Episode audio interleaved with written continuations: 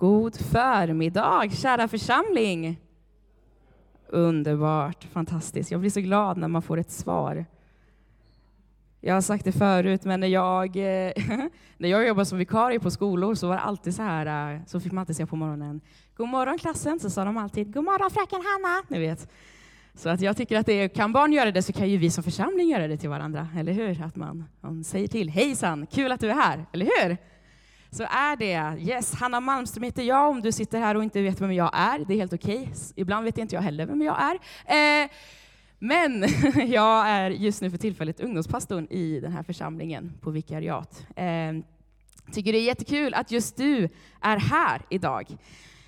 Eh, ungefär åtta eller nio av mina tio predikningar, så att säga, alltså åtta, av nio, åtta eller nio av tio predikningar, så brukar jag oftast, och det har hänt sedan jag började predika, men så brukar jag ofta starta med att säga att ja, jag skulle egentligen prata om det här.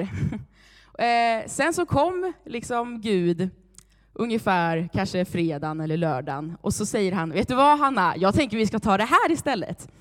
Så på tisdagen eh, den här veckan så snackade jag med Maria som är föreståndare i den här församlingen och sa så här att ja, jag tänker att jag ska prata om det här med att växa. Alltså när man ser en planta och, och, det kanske inte ser så mycket ut, men om man ser under jorden så händer det en massa, en massa rötter, eller hur? Läste om en planta som, eh, alltså en vanlig krukplanta som hade ett eh, liksom, trådrötter på ungefär 632 kilometer längd. Liksom. Så jag tänkte så här, wow, det här kan jag använda och så ska jag prata om att vi kommer in i en höst och så ska vi växa oss och vi ska liksom komma in och bara ge järnet i Guds rike. Och så tänkte jag att det här blir jättebra predikan, absolut. Jättebra, så den var förberedd, den var klappad och klar. Det ska vi inte prata om idag. Ehm, så, för Gud kommer på fredagen, då säger han att, vet du vad Hanna, vi ska prata om eh, någonting annat. Så. Eh, så vi ska prata om fruktan idag. Och det kändes ju som en helt annan typ av predikan, inte sant? Så här, jag tänkte att jag skulle peppa sönder här, men eh, vi ska prata om fruktan. Och framför allt, vi ska prata om fruktans, och liksom friheten från fruktan. Okay? Du och jag är inte skapta för att leva i fruktan. Vi har inte fått fruktans ande eller modlöshetens ande, utan du och jag har fått en ande av frimodighet. Du och jag har fått en ande av kärlek, av urskiljning, av självbehärskning. Du och jag har fått en ande av kraft och styrka. Precis det som Anders läste om här innan, att den helige ande kommer komma och han kommer vara hos er, i er för alltid. Hur känns det? Hur känns det när vi har den helige ande inom oss? Är det en ande av fruktan? Jag tror inte det. Det blir riktigt bra, eller hur? Det känns inte som att det kommer bli en bra predikan ändå. Även fast Gud kommer klockan tre på fredag natten. Ja. Eh, så här då. Jag tänkte läsa lite grann ur Markus evangeliet kapitel 4. Och jag tänker att vi läser igenom den här eh, liksom, bibel, eh, bibelstunden. Liksom. Och sen så kommer jag läsa den igen, men jag kommer pausa lite grann och ge liksom så här äh, fem grejer som jag bara vill highlighta i den här, eh, i den här liksom kapiteldelen. Och det handlar om hur Jesus stillar stormen. Eh, och då har tidigare i det här kapitlet, precis innan, så har Jesus eh, undervisat, han har predikat och förkunnat Guds rike, pratat om senapskornet till exempel. Eh, och då står det så här i kapitel 4 i Markus evangeliet i vers 35. Och rubriken är Jesus stillar stormen på kapitlet här. Men då står det att på kvällen samma dag, alltså som han hade undervisat, så sade Jesus till sina lärjungar, vi får över till andra sidan, alltså andra sidan sjön. Och då lämnade folket och tog med honom i båten som han var, även andra båtar följde med. Och då kom en stark stormvind och vågorna slog in i båten så att den höll på att fyllas. Och själv så låg han, alltså Jesus, i akten på en dyna och sov. Lärjungarna, de väckte honom och de sade, Mästare, bryr du dig inte om att vi håller på att gå under? Och Jesus vaknade och talade strängt till vinden, och han sade, tig, var tyst. Och då lade sig vinden och det blev alldeles stilla. Han sade till dem, varför är ni rädda? Har ni fortfarande ingen tro? Och då greps de av stor fruktan och sade till varandra, vem är han? Till och med vinden och sjön lyder ju honom. Så kom de över till andra sidan. Ja, precis. De kom över till deras område på andra sidan av sjön. Står det sen i kapitel 5, vers 1, så fortsätter det. Det är fem saker som jag skulle vilja highlighta lite grann i den här berättelsen. Okay? Så vi kommer läsa den igen. Men, men det här är egentligen det som händer. Okay? Alltså lärjungarna och Jesus är ju ute på, på sjön och det blir storm. Lärjungarna blir rädda. De blir dödsrädda, liksom, livrädda för sitt liv. Dödsfruktan kommer över dem. Eh, och Jesus får stilla stormen och sedan så kommer de över till andra sidan. Okay? Och det är fem grejer här som jag skulle vilja ta. Först, det är att vi börjar den här, den här delen med att Jesus säger att vi ska ta oss över till andra sidan. Okej? Okay? Hänger ni med? Så här. Där och då har Jesus gett dem ett löfte. Eller hur? Vi ska ta oss över till andra sidan. Vi ska åka över sjön till andra sidan. Och det är också så i den här delen att Jesus precis har predikat och undervisat om Guds rike till de här människorna. Och han säger till sina lärjungar att nu ska vi ta oss över till andra sidan och fortsätta göra vårt arbete där. Okay? Så det Jesus gör i den här stunden, i den här lilla korta meningen, det är att han säger till sina lärjungar att det arbetet vi håller på med, det måste fortsätta och därför måste vi ta oss över till andra sidan. Och det kan vara så i ditt och mitt liv att Jesus ibland har sagt till dig och mig, vet du vad kompis? Vi har hållit på här ett tag och det är bra, men vi måste också fortsätta sprida oss till andra sidan. Vi måste fortsätta med det du och jag gör. För det du och jag gör som kristna, det är ju att vi arbetar med Gud, eller hur? Vi gör detta för Guds rike, för vi vill se människor bli fria, eller hur? Vi vill se människor bli frälsta. Vi gör Guds arbete. Så Jesus har ibland, säkerligen flera gånger, till dig och mig sagt, det är dags för oss att ta oss över sjön till andra sidan. Det är dags för oss att fortsätta sprida det vi håller på med. Han kanske är, du kanske är i den stunden just nu med Jesus, att du håller på att försöka ta dig över till andra sidan sjön. Och det Jesus säger, det är, vi far över till andra sidan. Alltså vi ska ta oss över. Han säger inte, det kanske blir så att vi lyckas få ta oss över. Nej, han säger vi ska ta oss över. Det finns ett löfte där. Okej? Okay? Att du ska ta dig över. Nummer två, vad är det som händer? Jo, efter att de har satt sig i båtarna så tar Jesus och går och lägger sig. Han tänker att det här är en bra tillfälle att vila. Liksom. Och det kommer en storm. Genesarets sjö, bara lite info. Genesarets sjö ligger 200 meter under havsytan. Okay? Så det är en vik som går ner så. Och beroende på lufttemperaturen så kan det vara så att ökenvindarna, alltså vindar från öknen, kommer ibland in över sjön och det skapar havsorkaner. 1992 så var det så att i Tiberia, en stad som ligger vid den här sjön, fick otroliga problem för att det kom tre meter höga vågor från den här sjön och krossade stora delar av, av den här staden. Det var flera människor som omkom 1992. Okej? Okay? Du kanske inte har sett tre meter höga vågor. Jag har inte gjort det. Vi var i, i Danmark när jag var, vi var där och träffade på släkt, de gånger jag var liten. Eh, och den sommaren var det riktigt höga vågor. Inte tre meter höga, men ungefär två, två meter höga vågor. Och det var flera som omkom den sommaren på grund av detta. Jag hade en vän som eh, pluggade bibelskola på Hawaii. Hon var på en strand där hon hade vatten till fotknölarna. Helt plötsligt så kommer det tre meter höga vågor och kastar ut henne till havs och hon försvinner. Det var 2020, idag är det 2023 och vi har fortfarande inte hittat hennes kropp. Så när jag säger att det är en havsorkan, eller alltså att det är storm, och att lärjungarna, vilket, alltså flera av lärjungarna var ju vana fiskare, eller hur? Och det är storm. Och även fast några av dem är vana fiskare, som har kanske säkerligen varit i en och annan storm, så är det otroligt nära döden de är just nu i den här situationen. Så de yttre omständigheterna gör vad då? Att lärjungarna blir rädda. De blir jättestressade. Det står att båten håller på att fyllas med vågorna, okay? med vatten. De håller på att sjunka. Så de yrar ju säkert omkring det som irrande höns, liksom. Jag fattar det, absolut. Men är det så att ibland så är det du och jag i en situation i livet där det känns att vi håller på att gå under. Är det så att du just nu lever i en situation där du har låtit fruktan ta över ditt liv? Och istället för att fokusera på att, nej men vänta nu här, Jesus som är Guds son, den allsmäktige och levande Gudens son, han är med här i båten och han ligger och sover. Alltså jag kan ju sitta med, med facit i hand här och säga att, att liksom, ja men så länge Jesus sover så är det ju lugnt, eller hur?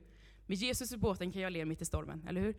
Spelar ingen roll. För när fruktan tar över ditt liv, och när du låter den ta över ditt liv, så utgår den från all logik. Fruktan är inte logisk. Har aldrig, den har aldrig varit logisk. Jag kan bli så upprörd ibland när folk säger att ah, jag är rädd för det här och det här, och så kommer någon med en logisk förklaring. Ja, men det kan inte vara så, det förstår du väl, det är ju inte logiskt. Det spelar ingen roll, för fruktan är en andemakt, och den spelar inte på din logik. Den spelar på dina känslor, och den tar, det som, den tar din energi, den tar din tid, och den tar din trygghet. Okej? Okay? Så lärjungarna blir livrädda. Och det de gör när de är livrädda, det är att de väcker Jesus, och de anklagar Jesus. Bryr du dig inte om att vi håller på att gå under, Mästare? Ser du inte att vi håller på att dö och du ligger här och sover? Kan det vara så ibland, när vi blir rädda? Att den här känslan trycker på oss, den, alltså den trycker ner oss, och den, den, den gör oss kanske ibland så otroligt rädda, irriterade, arga för fruktan. Fruktan, om man söker på fruktan, så är det rädsla, det är ångest, det är stress, det är o, alltså oro, det är, det är liksom bävan, det är fasa, det är inte roliga känslor. Och är det så ibland kanske att du lever i fruktan, och det gör att, att du ibland går in i en anklagelse mot folk. Jag har mött flera personer ibland som anklagar mig för saker som jag inte ens har gjort. Och så får jag bara inse det att, nej men alltså du, Du går ju igenom någonting just nu, där du har låtit fruktan, människofruktan oftast, ta över ditt liv. Och du spelar ut den på andra människor. Och jag har gjort det också. När jag var ungefär 13 år gammal så fick jag ansvar för någonting i min kyrka. Och jag, eh, och jag var så rädd för jag var sån, och hade en sån otrolig människofruktan. Jag var så rädd för att jag skulle göra fel, och för att då skulle ingen tycka om mig, för att jag hade, jag hade fått ett uppdrag som jag inte hade lyckats med, och då så skulle folk bli besvikna på mig, och så hade jag inget värde längre. Okej? Okay? Så jag, och det blir fel, jag gör fel. Eh, och istället för att ta ansvar då och säga att jag gjorde fel, så skyller jag på de andra som är med mig. Och jag beter mig riktigt dåligt, och jag blir väldigt vass i tonen och säga att det här är inte mitt fel, jag har inte gjort fel, fast det var mitt fel. Så det slutar med att min pappa får sätta sig ner med mig i soffan hemma och fråga, men Hanna, vad är det du är rädd för? För så här beter man sig inte. Och efter ett samtal där liksom han får ställa tuffa frågor, så till slut så börjar jag alltså storgråta och så säger jag, jag vill bara inte göra fel, säger jag.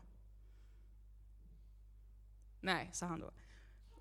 Vad är det som händer om du gör fel, Hanna? Nej, alltså då, nej, då kommer de inse att jag inte är så duktig som de säger att jag är. Jag är 13 år gammal och jag tar ansvar i kyrkan. Det är klart att jag är duktig, eller? Och så blir det fel. eh, och det fick bli ett jättelångt samtal med min pappa, där han fick säga det att Hanna, det här är människofruktan. Du är rädd för vad folk ska tycka om dig om du gör fel. Du är rädd för att folk ska se att du inte har något värde när du gör fel, och det är inte sant. Så jag fick verkligen arbeta där med min människofruktan. Ibland gör vi ju fel, eller hur? Men jag lät ju, i den processen, så lät jag det ju gå ut över andra. Där jag skyllde ifrån mig, där jag ljög och jag, och jag smutskastade människor. Jag sa, ja ah, fast hade den personen bara gjort så här och så här istället för att göra så, så hade det ju blivit bra. Hade den personen prioriterat så hade inte jag... Så skyller jag på en massa andra människor och jag låter det gå över dem. Hänger ni med? Förstår ni vad jag menar? Och jag tror verkligen att vi gör så här ibland, hörni. Vi är människor. Vi gör fel ibland, jag fattar det. Och det finns en fantastisk nåd. Anders sa det, nåden gäller ju dig, eller hur? När han läste bibelordet förut. Men ibland låter vi det gå ut över andra, våran fruktan, för att vi är rädda för någonting. För att vi kämpar med någonting. Och vi anklagar ibland Jesus. Bryr du dig inte om? Bryr du dig inte om mig? Ser du inte att jag håller på att gå under?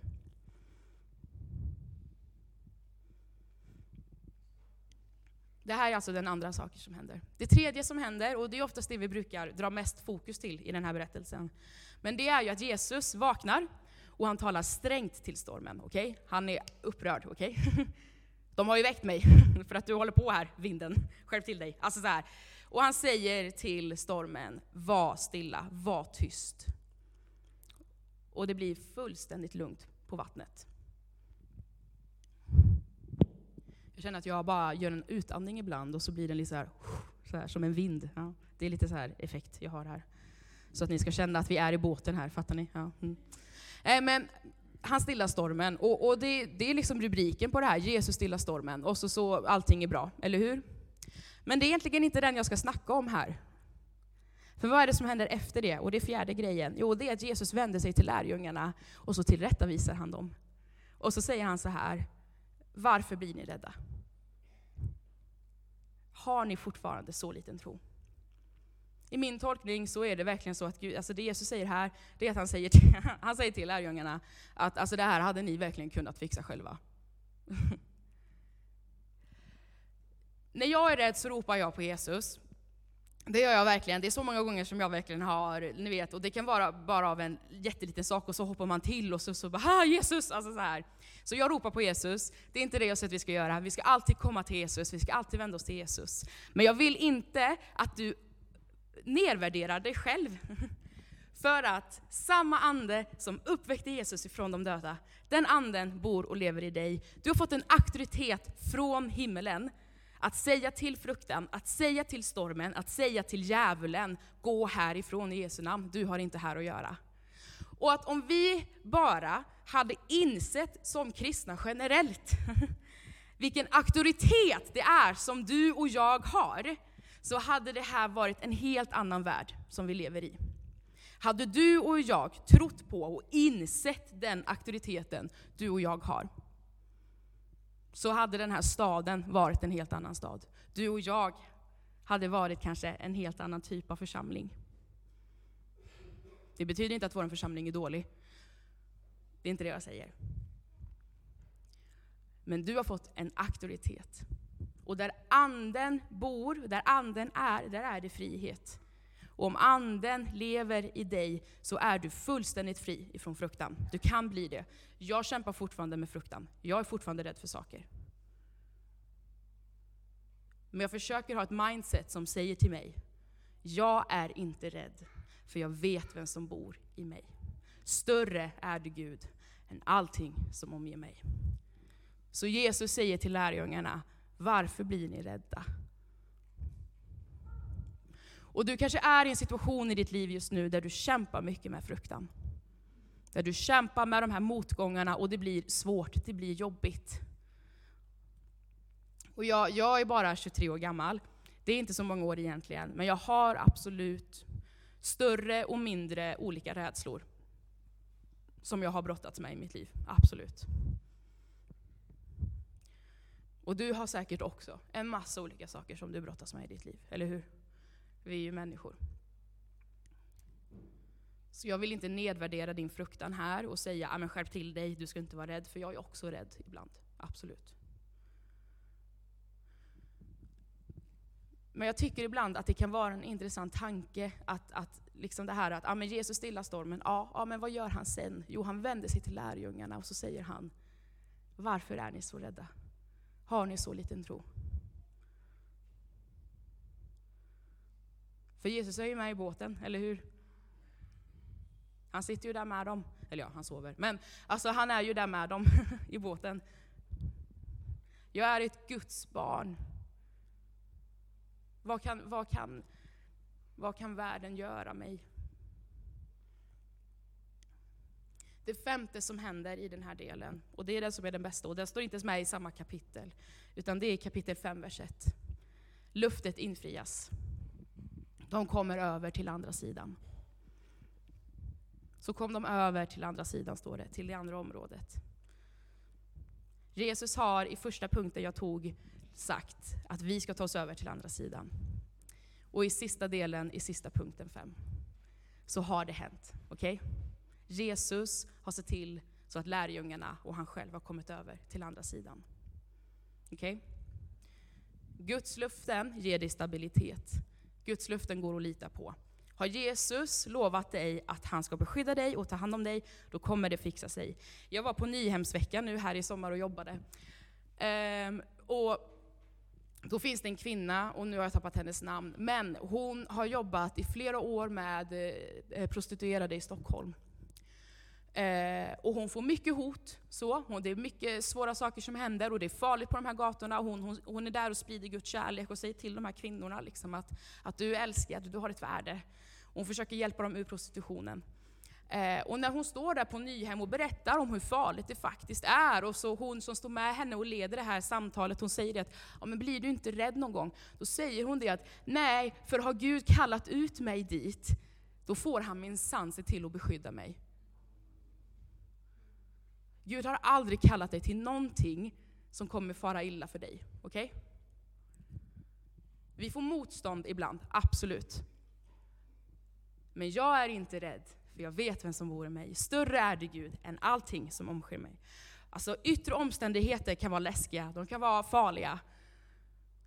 Men jag tror på en allsmäktig Gud. Jag tror på en, en, en, en Jave, en Jehova som alltid kommer ta hand om mig, beskydda mig, försörja mig, hela mig. Alltså ni vet alla de här fantastiska lufterna som finns om Gud.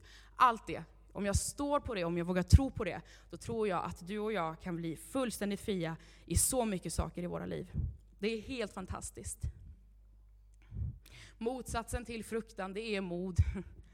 Det, det är, om man söker på det så är det faktiskt oräddhet och även längtan och hopp. Motsatsen till fruktan är alltså hopp, längtan. Vad längtar du efter? Vad tror du det är som Gud kallar dig till? Låt inte fruktan ta dig över dig. Låt inte, låt inte fruktan ta det här ifrån dig. Vad är det du längtar efter?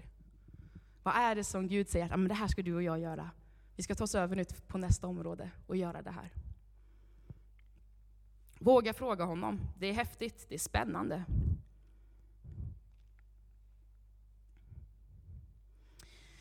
Det finns, det finns sex saker som jag brukar försöka göra när fruktan kommer över mig. Um, Som sagt, man kan vara rädd för olika saker. Men jag tänkte avsluta med de här sex grejerna. Det första, det är att stå på Guds ord. När Jesus är i öknen eh, och, och, blir testad av djävulen, han kommer och han, han vill förstöra för Jesus. Och han, han lägger fram frestelse efter frestelse. Då säger Jesus, varje svar, det står skrivet. Han använder Guds ord som sin säkra grund. Han använder det som sitt svärd mot djävulen. Och han säger till honom, Satan, gå härifrån. Gud har kallat mig till någonting. Och han har sagt att, det här ska, att jag ska klara detta. Så du har ingenting att komma med. Guds ord kan förändra ditt liv. Det är en sanning, det är en stabil grund. Det andra som jag kan tänka mig är en fantastisk sak att göra, och jag älskar att göra det här, det är lovprisning. Ehm, och jag brukar, lovprisning och tillbedjan, så två punkter tillsammans. Alltså att lovprisa och tillbe Herren. Ehm, de värsta kamperna jag har haft i mitt liv har jag vunnit tack vare att lovprisa och tillbe Herren. De värsta stunderna i mitt liv har jag, har jag klarat av tack vare att då har jag bara sagt nej, jag måste sätta mitt fokus på Herren. Eh, och jag lovsjunger honom och tillber honom. När jag fick reda på eh, min vän som jag nämnde innan, eh, hur hon, hon har liksom blivit... Eh, hon, har, hon har stulits från mig av havet. Eh, så går jag ner på mina knän och så, så sjunger jag den här lovsången. Du är god, du är god, du är god. Eh, hjärtats herre och kung. Liksom så sjunger jag den om och om igen. Du är god, du är god, du är god. För i allt igenom så är Herren god. Och det går till punkt fyra här, att, att vara tacksam. Alltså även i svåra stunder. Att visa tacksamhet till Herren. Och jag brukar läsa Saltaren, eh, Saltaren 100 i de stunderna. Psaltaren 100 är en otroligt bra psalm, bara fem verser. Eh, och jag, jag uppmuntrar er verkligen att ta och läsa den, för den är så sjukt bra. Eh, som handlar om hur, hur det står att tacka Herren för han är god. Att vi ska kliva in i hans portar, in i hans gårdar med lovsång och tacksamhet. Eh, femte punkten, det är fasta. Paulus skriver det när ni ber och när ni fastar, inte om vi ska fasta. Det är en biblisk princip. Och anledningen till att jag gör det, det är oftast för att ja, alltså, jag måste få påminna mig själv om att, att först och främst så är det Herren jag längtar efter. Att säga nej till kötsliga begär och, och bara fokusera på Herren. Först och främst så behöver jag Herren. Jag behöver få ta del av hans härlighet. Eh, och sista punkten, och ni kan. Och sista punkten, det är bön. Um,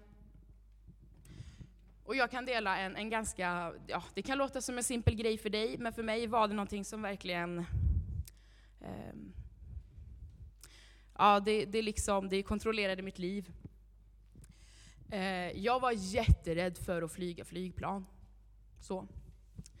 Och då tänker du kanske, ja, men flyga flygplan gör man inte så ofta. Nej, det kanske man inte gör, men, men jag har gjort det. så.